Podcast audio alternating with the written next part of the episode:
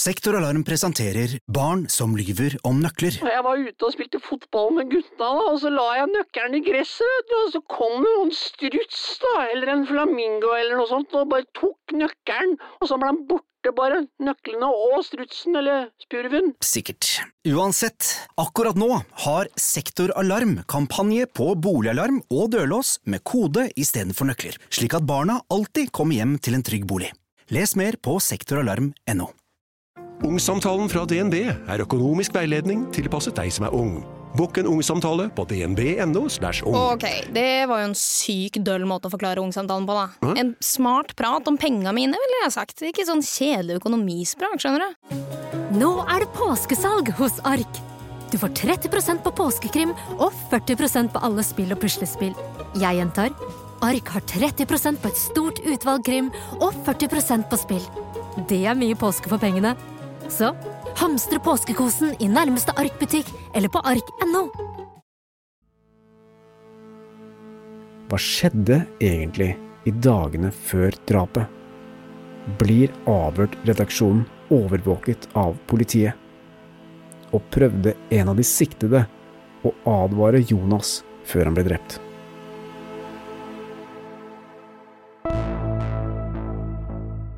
Dette er Drapet på Jonas, en podkastserie fra Avhørt. Del 9 Advarselen.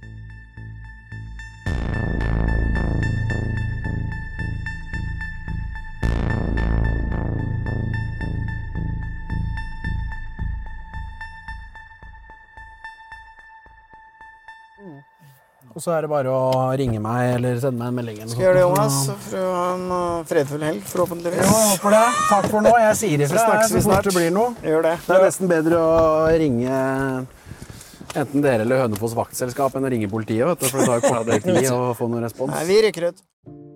Det har nå gått nesten elleve uker siden vi tok farvel med Jonas på Hønefoss.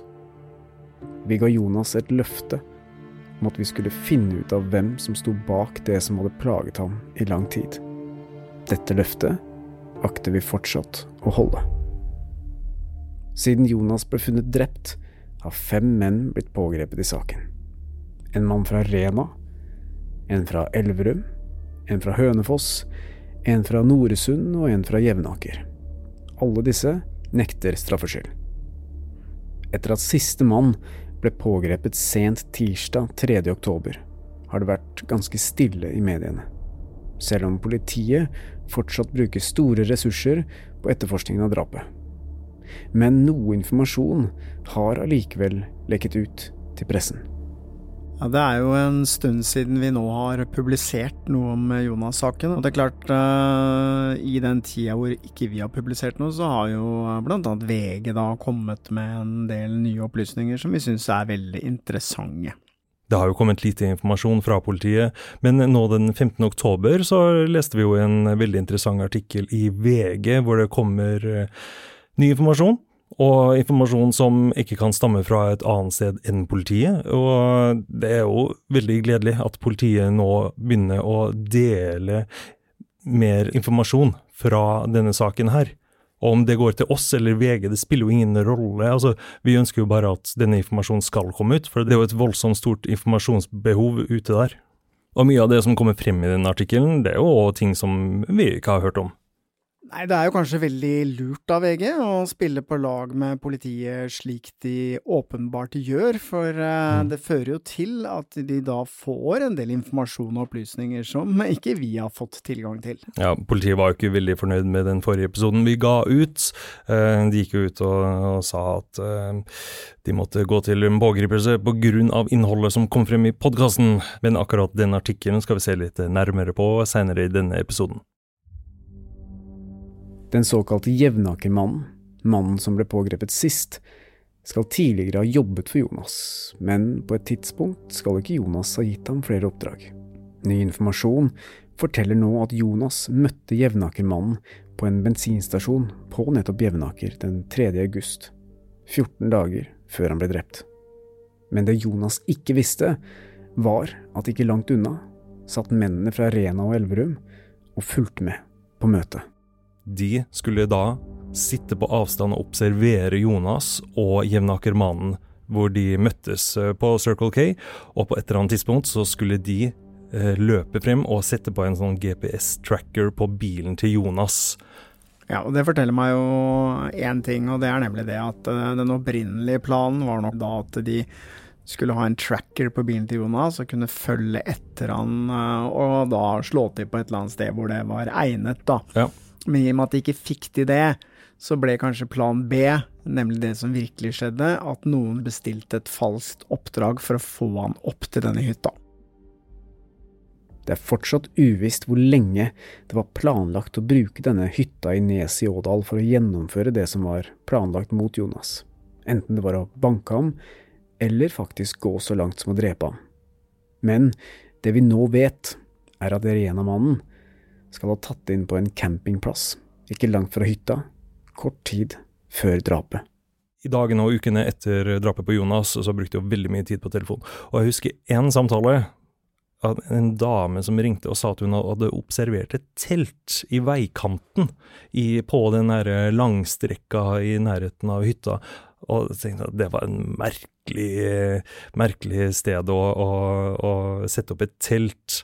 Og så, da pågrepelsen av Renamannen kom, så så vi jo på hans Facebook-bilde at der satt han inne i et telt. og så tenkte han, ok, uh, det kan jo være helt tilfeldig. Men det vi har uh, fått erfare, er jo at uh, disse her Rena og Elverumsmannen, de tok inn på en campingplass ikke langt ifra hytta, nemlig Sperilden camping, og hvor de da, en av de hadde signert med sitt ekte navn. Ja, og det forteller meg jo ganske mye om Renamannen og Elverummannen, at det er jo liksom glade amatører på tur. Altså hvis du planlegger å reise for å ta livet av en person, eh, eller torturere en person, eller whatever, hva som var planen, så vil du legge igjen minst mulig spor. Og Ja. da tar du ikke inn på en campingplass og identifiserer deg, det er jo Det er jo i tråd med det som de har forsøkt seg som eh, alibi, da. At de var på en slags eh, ferietur. For det, det, det hører hjemme på en campingplass. Det er jo en, et feriested å dra til. Jeg tror det har vært lurere å kanskje slått opp et telt i skogen og ikke vært nødt til å identifisere seg. eh, Jeg tror det har vært smartere, men, men, men ok, de gjorde nå engang det. Ja, men er de så kort tenkte at de signerer med sitt eget navn på, eh, i, i en eller annen bok, da, Eh, et ja. register? Ja. Men begynner du ikke da å tenke at kanskje planen ikke var å drepe noen? Nei, jeg begynner å tenke at, eh, at eh, disse to fra Arena Elverum som åpenbart har blitt hyra på for å gjøre en jobb, eh, kanskje ikke er de smarteste gutta. At vi vet om historikken deres at dette er jo hva skal jeg si for noe, litt sånn småkjeltringer med innbrudd og med narkotika og litt voldspotensial og så videre. Det er jo kanskje ikke de mest klartenkte eh, gutta, så jeg tror rett og slett at eh, de ikke hadde noe tanke om at eh, det ville Nei. bli et problem. Nå skal det jo sies at uh, den innsjekkinga på uh, denne campingplassen, det var jo ikke i løpet av denne ferietur-bursdagsturen som har blitt mye omtalt. Uh, den ferieturen, da, hvis man skal kalle det det, var, må, jeg tolker det som en slags rekognoseringstur. For da de tar inn og registrerer seg på NKP-plassen, det var jo i det samme tidsrommet da Jonas ble skutt. Ja, faktisk to dager eh, før Jonas ble funnet død, så det passer jo veldig godt i forhold til politiets uh, siktelse, da, at de mener at uh, de har hatt noe med det drapet å gjøre.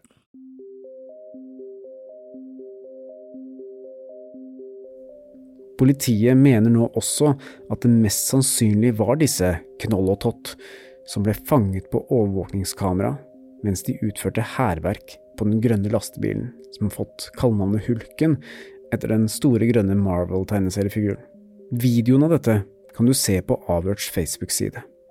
På denne videoen kan du se to personer som målbevisst går mot lastebilen, slår mot den med ukjente gjenstander og forlater stedet. Eh, De eh, ble flom... eh, ble flomhindra, de som skulle fikse den denne uka her, så den er Ja, ok. ikke fiksa ennå. Nei, ja, se her, ja. Dette er altså en grønn Mercedes lastebil. Det er din, eller? Ja, semitrekkvogn. Ja. Det er min. Sammen med Jonas så vi på skadene som dette angrepet påførte lastebilen. Med en knust frontrute, og ikke bare knust én gang. Én, to, tre, fire, Alle lyktene. fem eh, spor etter noe som enten ser ut som skuddhull eller eh, stein. Merker at noen har kastet stein på frontruta. Nei, du ser på videoen at de slår med et eller annet langt. Så de har visst at den har stått der, for de gikk veldig bestemt opp målretta rett på den bilen. Det som jeg har slått meg litt i det siste, det er jo denne hulken, Helge. Vi har snakket mye om hulken. Mm. Du har sittet i hulken. Jeg sitter i Vi har hulken. stått utenfor hulken. Vi har Ja. sett på skadene på ruta. Vi har uh, tilgang på to overvåkningsfilmer, hvorav den ene har blitt publisert. Ja. Vi har en til. Kanskje vi skal publisere den. For der, der Mm. ser vi jo de to som eh, bedriver hærverket på Hulken. Man, man får et bedre bilde av de. De kommer gående da mot kamera, så jeg tenker at vi kanskje skulle publisert den på vår Facebook-side. Det kan vi gjøre når denne episoden blir publisert. Men eh, det som slår meg litt, er jo at det har kommet fram opplysninger om at det er blitt funnet prosjektiler mm. inne i førerhuset. Så du satt jo Ja. I førerhuset i denne på sjåførsiden, eh, Helge. La du merke til noen skuddskader? Nei, jeg gjorde jo ikke det. Det, altså, det ser ut som skuddskader. Nå, jeg, jeg vet ikke om det har blitt påstått at de skuddene har gått igjennom frontruta. Det kan, det kan ha blitt skutt mot døra, f.eks., Mm. og at de har, de har gått inn der. Eh, men det var ikke noe jeg kunne se der og da. Men jeg, i hvert fall så Jeg studerte jo disse rosene som eh, man har i, i frontruta der, eh, og ingen av de hadde jo hull i seg.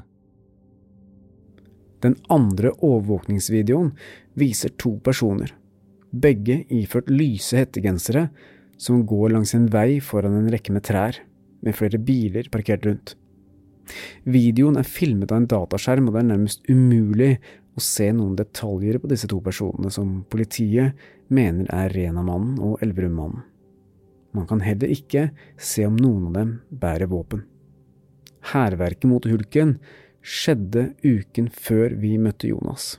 I det samme tidsrommet som Knoll og Tott skal ha vært på ferieturen sin til Hønefoss, og var den siste dokumenterte hendelsen av hærmerk mot Jonas før han ble drept.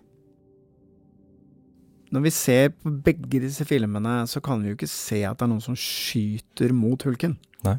Men likevel så har det kommet opplysninger om at eh, disse prosjektilene som ble funnet inni i hulket, det er da fra samme våpenet som ble brukt til å drepe Jonas. Ja, en kaliber 22 skal det visstnok ha vært. Og vi ser jo på overvåkningsvideoen av hvordan disse rosene ble skapt, og da ser vi jo at det er to karer som går bort til hulken og hopper opp og hakker. Det er nesten så ser at om de hadde med seg en, en stump uh, jernrør, eller uh, en ishakke, eller stein, et eller annet. Um, jeg så ikke tegn til at det hadde gått gjennom glasset, så jeg er usikker på hvordan disse prosjektilene har kommet seg inn i førerhuset. Ja, jeg syns det er veldig rart. Vi sitter og ser på to overvåkningsfilmer fra hendelsen den natta, og det er ingen som skyter. Vi ser at de slår, og så forlater dette stedet. Vi har vært der, du har sittet inne i førerhuset. Vi la ikke merke til det, og hvis de skal ha skutt mot hulken, hva har de gjort for noe da? Har de da gått ut av eh, hva skal jeg si, rekkevidden til kameraene og stått på avstand og skutt? Det, Det- det- høres Da det burde vi være. jo sett at eh, Kanskje sett på filmen at det var noe som uh, traff ruta, men vi kan ikke se det heller. Nei, og Jonas kan ikke ha vært klar over at det skal ha blitt skutt mot bilen. For det var aldri noe tema. Han, Han- sa jo ikke det til oss. Han sa det hadde jo vært helt naturlig å ta opp. Mm. Og forresten, i tillegg så fant vi Er det tegn til at noen skal ha skutt mot bilen? Det var ikke et tema. Så altså, det der er et uh, mysterium, altså. Jeg forstår ikke når denne skytinga har uh, skjedd, og hvis det har skjedd mens denne bilen sto parkert oppe i lier der, så, så klarer jeg liksom ikke helt å forstå at uh, overvåkningskameraene ikke har fanget opp det. Og så stiller jeg også spørsmål ved Altså, hvis du tar deg inn på en tomt og blir filmet av overvåkningskameraer, og da skyter med det samme våpenet som du da senere bruker til å drepe Jonas, så er jo det veldig Nei, Jeg er bare nysgjerrig på, og jeg gleder meg til opplysningene om hvordan disse prosjektilene har kommet inn i hulken kommer. Det, man leser det sikkert først i VG. Ja, og igjen tilbake, altså jeg må jo si at uh, hvis du planlegger å ta livet av noen, og at du da først skyter på en bil med det samme våpenet der hvor det er masse kameraer, det er jo ja. Det det er jo et et ganske kraftig signal å sende, da. mm. Et skudd gjennom en bil. Ja, det er jo mye mer alvorlig enn å stå og hakke løs på en frontrute. Sånn at eh, Men, men igjen eh, Men, men det signalet kom ikke så veldig godt frem, siden Jonas ikke hadde registrert det engang. Jonas hadde ikke registrert det, vi fikk det ikke med oss, og vi tilbrakte ganske mye tid rundt og inn i den bilen. Ja.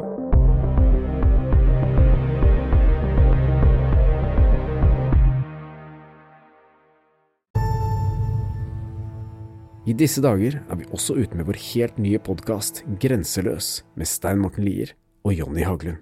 Jeg heter Jonny Haglund og har i 30 år reist verden rundt til steder du antakelig aldri har vært. Så er det folk vet du, i det fjerne. Jeg ser det brenner inn i jungelen her. Sånn røyk. Det har vært varmt, vått, skummelt, kaldt, slitsomt og til tider svært krevende. Men mest av alt har det vært fantastisk natur Herlig å våkne om morgenen i jungelen. Masse lyder. og utrolige menneskemøter. Has given the, the dead body to his family for eating. Nå deler jeg noen av mine opplevelser i podkasten Grenseløs. Oi, oi, oi. Grenseløs kan du høre helt gratis alle steder hvor du finner podkaster.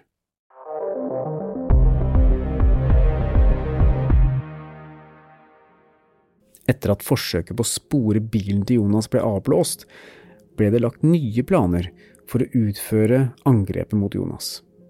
Og det ble nå tatt i bruk mer avanserte metoder for å lokke Jonas i en felle. For ifølge de nye opplysningene mener politiet nå at Jonas ble kontaktet av det han trodde var en spansk mann fra Drammen som ville gi ham et jobboppdrag. I virkeligheten var det Rena-mannen som utga seg for å være denne oppdragsgiveren. Ja, De opplysningene som har kommet fram i det siste, er jo at Jonas skal ha kommunisert med en eh, mann som eh, bor i Drammen. Det trodde Jonas. Og, eh, men her skal det visstnok være snakk om et ID-tyveri, for denne mannen har ikke noe med dette å gjøre. Så åpenbart har de som har lokket Jonas opp til denne hytta, brukt telefonnummeret til denne drammenseren, da. Og jobben skal ha blitt avtalt via telefon. Og da har Jonas reist opp dit i god tro og tenkt at ok, nå har han fått et oppdrag til firmaet sitt, nå skal han opp også og gjøre noe jobb på denne brønnen til denne hytta. Og isteden da blitt møtt av gjerningspersonene. Og da er spørsmålet hvor kommer den informasjonen fra at Jonas skal ha fått et oppdrag av en eh, drammenser, eh, bosatt i Spania. Men, men politiet må jo åpenbart ha gått inn på telefonen til Jonas. Ja, har de det? Det vet vi ikke helt sikkert. Jeg har eh, kilder som forteller at politiet har vært veldig interessert i informasjon om denne telefonen til eh, Jonas, på en måte som om at det har fremstått nærmest som om at de ikke har hatt tilgang til den telefonen. Og for en og en halv uke siden så ble det observert eh, politifolk rundt dette Væren-tjernet. Kan man se for seg at eh, de som var oppe på hytta etter dette med Jonas skjedde, tok med seg hans mobiltelefon, løp nedover traktorveien der, kasta mobiltelefonen i Væren-tjernet. Det kan absolutt ha skjedd, og vi hadde jo på et tidlig tidspunkt tenkt å reise opp dit for å gjøre et søk etter eventuelt et drapsvåpen og andre ting. Hadde jo, du hadde jo fått med deg Hva het den foreningen? Jeg hadde jo tatt kontakt med Norges Metallsøkerforening, og til og med meldt meg inn der, og kjøpt metalldetektor. Jeg går vel inn i det når det først skjer. Jo, jo, men jeg hadde jo snakket med Ronny Arnesen, en av Norges eh, fremste dykkere, om å faktisk dykke i tjernet der Ja. med undervannsmetalldetektor. Ja. Og det interessante her er jo at eh, du informerte jo politiet om hvilke planer vi hadde, Ja. og de sa jo kjør på, men hvis dere finner noe, så må dere ikke røre det. Ja, det, det sa de. Um, og alt var klappet og klart, vi skulle opp dit på en søndag, men lørdag kveld så kommer nyhetene om at uh, denne Rena-mannen, den første som ble pågrepet, skal ha stått og vifta med en pistol eh, mot noen ungdommer i Rena-området. Og da så vi det kanskje ikke som så aktuelt å løpe rundt i skogen der med eh, 30 karer fra Norges Metallsøkerforening. Nei, men vi var inne på det, men som sagt, som du sier, så droppa vi det pga. det. Men det som er har skjedd i etterkant, er jo at politiet har faktisk vært tilbake og gjort søk i området, så åpenbart leter de etter noe. Mm. Og det er muligens telefonen til Jonas, da, i og med at eh, de var så veldig på å spørre ut hva slags abonnement Jonas hadde, og masse detaljer om telefonen til en av de ansatte. Informasjon som man skulle tro at var lett tilgjengelig for politiet å ha. I hvert fall hvis du har telefonen. Den fjerde mannen som ble pågrepet, har fått navnet Noresundmannen. En 32 år gammel mann som politiet mistenker er hovedmannen bak det hele. Denne mannen skal ikke kjenne Jonas personlig, men ifølge våre opplysninger var han god venn med Hønefoss-mannen som ble pågrepet noen dager tidligere, og skal ha vært den som har betalt for å få gjennomført angrepet mot Jonas. Motivet for dette skal ha vært sjalusi. I dagene før pågripelsen hadde Helge flere samtaler med mannen, som selv mistenkte at politiet fulgte med på ham. Etter at vi valgte å publisere opptakene med mannen, har hans forsvarer gått ut i mediene og sagt at hans klient ikke var klar over at vi gjorde opptak av disse samtalene. Og politiet har også kritisert oss for å ikke ha informert dem om dette i forkant av publisering. Og i en annen artikkel i VG, dagen etter publisering av denne episoden, sier politiet direkte at de valgte å gå til pågripelse på grunn av vår podkast. I forrige episode som vi kom med, der publiserte vi noen skjulte opptak som vi gjorde med eh, det som politiet ser på som hovedmannen, den såkalte Nordsundsmannen, som ble pågrepet som nummer fire i rekken av eh, disse fem karene som politiet nå sitter på. Ja, og i etterkant av den publiseringen så gikk politiet ut i VG og kritiserte oss ganske kraftig, mente at eh, fordi vi hadde publisert de tingene, så måtte de endre taktikk og pågripe da Noresundmannen og Jevnakermannen tidligere enn de hadde tenkt. Ja, VG kom jo med en uh, overskrift som uh, må tolkes litt, da. Det sto 'Politiet, kolon, avhørt podkast påvirket siste pågripelse i Jonas-saken'. Sånn i utgangspunktet det høres ut som en gladsak. Uh, at ok, informasjonen vi har kommet med som har bidratt til en pågripelse, det må jo være positivt. Men det var jo ikke det politiet mente. Politiet ville jo egentlig at denne personen som de ser på som hovedmannen, at han skulle gå fri. Ja, men, men det er litt sånn forvirrende her, fordi at eh, hvis vi ser litt på tidslinja her, så blir altså Noresundmannen pågrepet på en lørdag. Mm. Jevnakermannen blir pågrepet klokken ti tirsdag kveld. Vi skal publisere vår episode ved midnatt natt til onsdag. Mm. Så da de går ut dagen etter sitter og sier disse tingene, så lurer jeg fælt på er det Noresundmannen de snakker om, eller er det Jevnakermannen de snakker om? For det har jo vært to pågripelser etter hverandre. Og så vil jeg bare, før du kommer inn her, påpeke at uh, før vi ringte til Noresundmannen, så ringte du politiet og fortalte hva du hadde tenkt å gjøre, og de sa at det var helt ok. Ja. De hadde ikke noen innvendinger mot det. Nei. Etter at du hadde informert politiet om hva du hadde tenkt å gjøre, mm. så ringte jo du uh, Noresundmannen flere ganger i dagene før han ble pågrepet da denne lørdagen. Mm. Og er det det politiet mener da, at uh, fordi du ringte og spurte dem, burde ikke de ha sagt da at nei, Helge, ikke ring til Noresundmannen istedenfor å gå ut i VG? Eller det jeg undres over her, det er at uh, Uansett om det gjelder Noresundmannen som ble pågrepet lørdag, eller om de mener Jevnakermannen som ble pågrepet tirsdag kveld, så stiller jeg liksom spørsmålet hvordan kan politiet vite hva ja. vi skal publisere før det er publisert? jeg vet det. Men før du slipper til, Helge, så, så er det undre seg litt, fordi at uh, Politiet går ut i VG og kritiserer oss hardt for podkasten, og VG trykker det politiet sier. Mm. Og eh, det jeg syns er litt rart, da, det er at uh, burde ikke en journalist for eksempel stilt det opplagte spørsmålet, nemlig øh, kjære politi, hvordan kan dere vite hva som blir publisert i en podkast før den er publisert? Men det gjør de ikke, og det syns jeg er litt merkelig. Mm. Og jeg Det jeg også syns er litt rart, er jo at vi vi har jo spilt på lag med VG helt siden dag én. Vi har gitt dem alle bildene våre, de har ikke betalt noen ting, og de har brukt dem i en haug artikler. Vi har gitt dem overvåkningsfilmene. Eh, Krimpodden har vært på kontoret vårt og gitt intervju med oss. Mm. Vi har sendt episoder til dem til gjennomhøring før vi har publisert dem. Altså, vi har ikke vært noe annet enn på tilbudssida, og da mener jeg at eh, jeg, jeg syns det er litt sånn rart at ikke VG i en sånn situasjon hvor VG er veldig kritisk mot oss, faktisk tenker ja, men vi må jo være litt kritiske tilbake mot politiet, og stille det spørsmålet, men det skjer jo aldri, og det syns jeg er litt merkelig.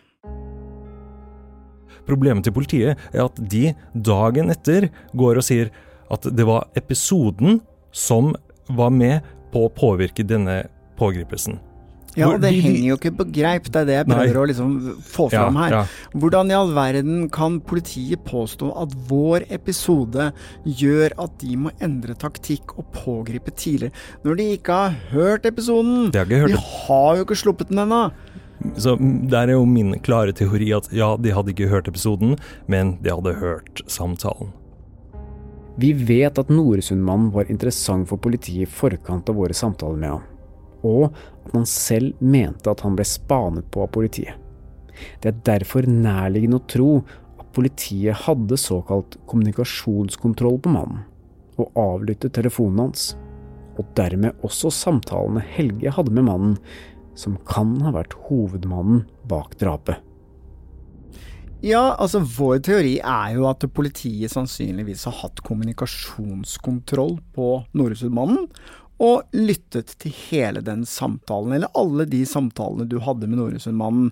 Og den eneste forklaringen er at de har sittet og hørt på disse samtalene, og så sier de etterpå at det er episoden som er årsaken. Men hvordan kan de vite hva fra den samtalen som vi skal ha inn i den episoden?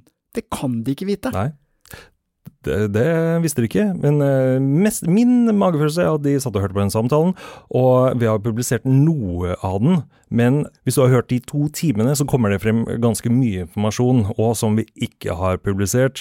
Og eh, politiet var nok usikker på hva vi faktisk kom til å publisere. Så derfor tok de ikke sjansen på at Jevnakermannen, altså den siste som ble pågrepet, skulle få høre den episoden. Men eh, jeg vet at jeg gjentar meg litt selv nå, men dette er faktisk litt viktig for meg. fordi at eh, når politiet går ut i VG, kritiserer oss, sier at vår podkast førte til at de måtte endre taktikk og pågripe tidligere, eh, så er det helt greit at VG skriver det, Mm. som politiet sier. Men hvorfor i all verden er det ikke litt grann kritiske til politiet? Hvorfor spør de ikke, kjære politi, hvordan kan dere vite hva som kommer i en podkast som ikke er publisert ennå? Mm. Det mener jeg er det minste man kan forvente, men det kan godt hende at disse tre journalistene som skrev denne artikkelen, at de rett og slett glemte det.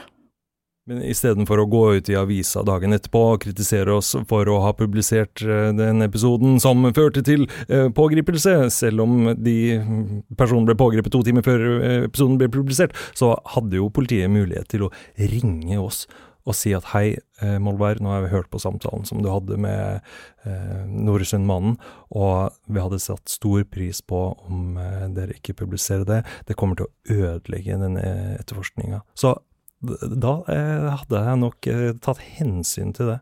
Ja, altså, Men det, det vi skjedde hørte jo hørte ingenting fra dem, og det er jo ikke sånn at ikke vi har hatt en del kontakt med politiet. De har fått masse materiale fra oss, vi har latt oss avhøre, vi har ringt dem flere ganger og spurt om dette vil være et problem for dem. De kunne jo bare ringt tilbake, som du sier, og sagt vet du hva, kan dere utsette den episoden?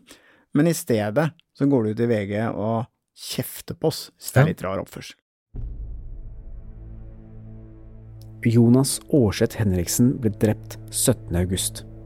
Det skulle ta fire uker før den første mannen ble pågrepet i saken. Og mannen på Jevnaker, den foreløpig siste siktede, ble pågrepet 3. oktober, nesten syv uker etter drapet.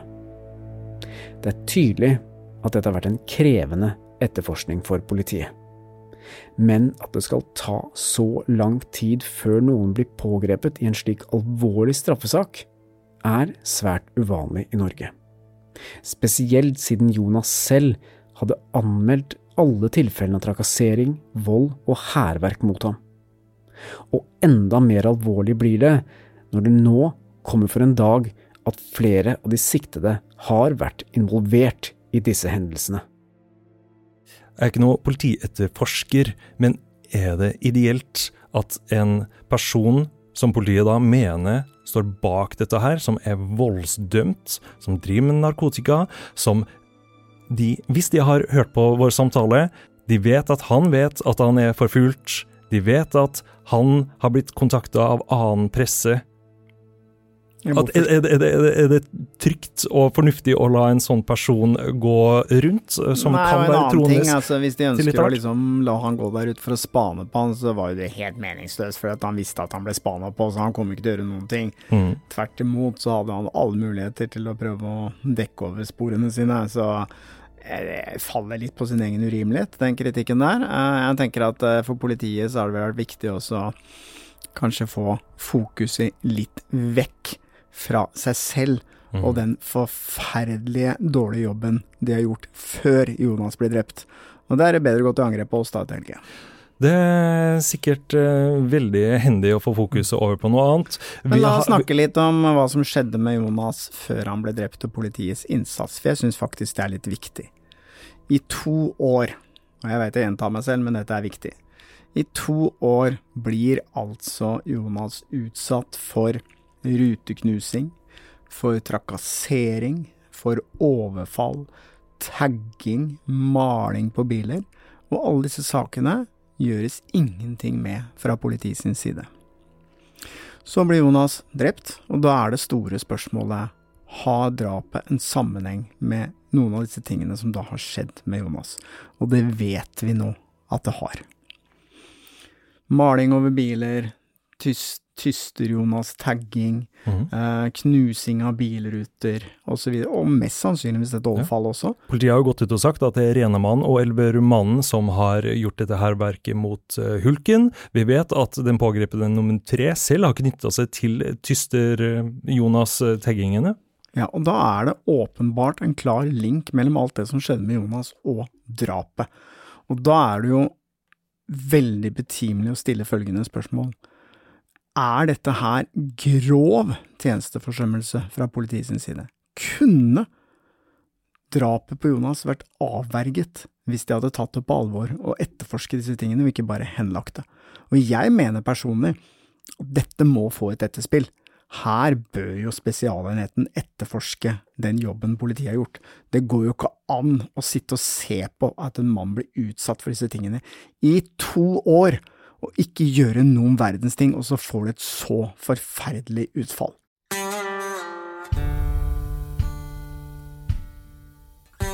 Tidligere i denne serien spurte vi politiadvokat Tine Henriksen nettopp om politiet burde tatt disse anmeldelsene på alvor.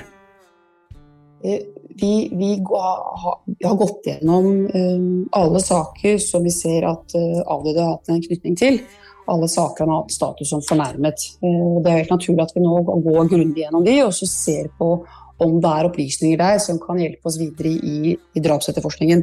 Så har vi også uh, gjort flere uh, nye etterforskningsskritt i flere av disse sakene hvor han har status som fornærmet. Så er det også viktig å si at uh, det er helt naturlig at vi undersøker om det er en sammenheng knyttet til en eller flere av de tidligere sakene, men det er for tidlig å konkludere på det.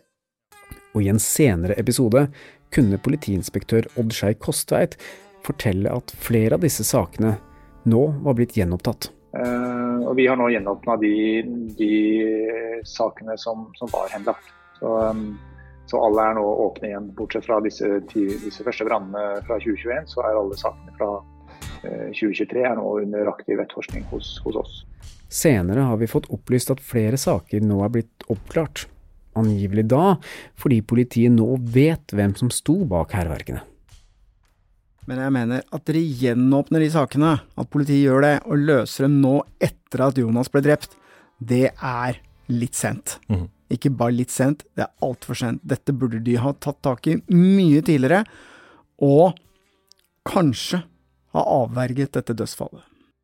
Politiets arbeid her har jo fremstått veldig sånn eh, lukka. De har hatt eh, en liten gruppe på toppen som har sittet på veldig mye informasjon, men du har hatt, eh, ut fra det vi har hørt, 64 politifolk som har jobba med denne saken her, og de har klart å holde korta veldig tett til brystet. Lite har lekka til, til mediene. Og da er spørsmålet hvorfor er det så lite informasjon som har blitt delt?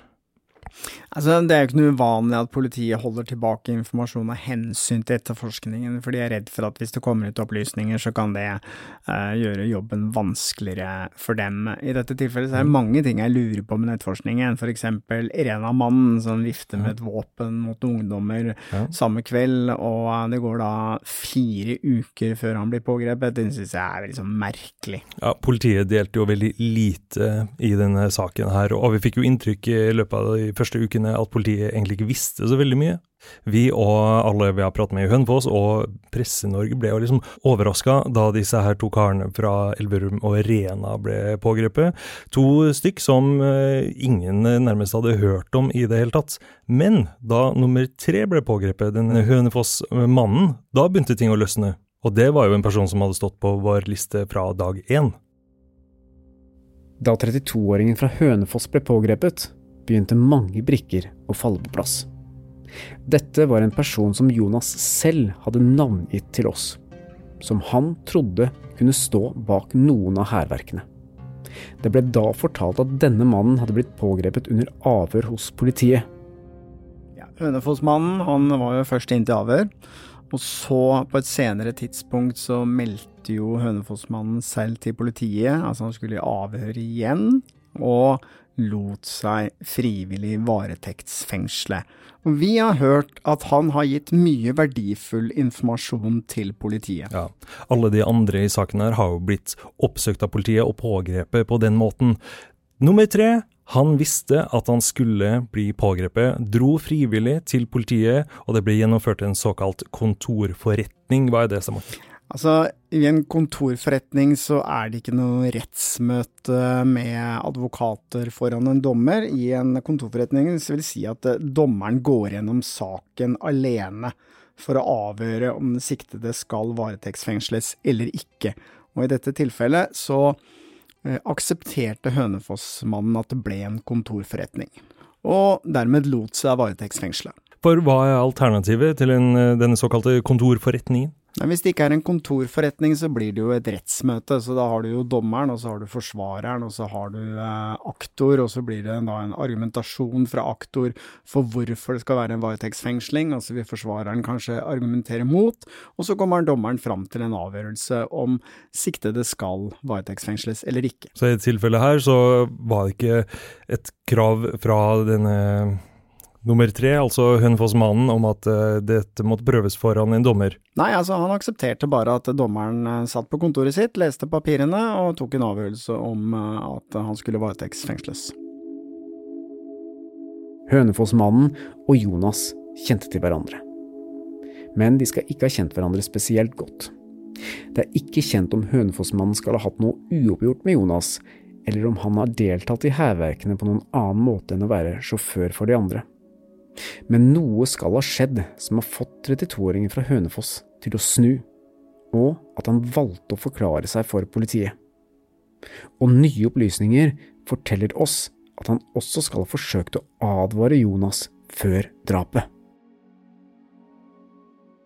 Noresundmannen har jo hele tiden sagt at han ikke kjente Jonas noe særlig, men politiet mistenker at det ligger et sjalusimotiv her, og vi vet en del om det sjalusimotivet uten at vi skal gå noe nærmere inn på det nå.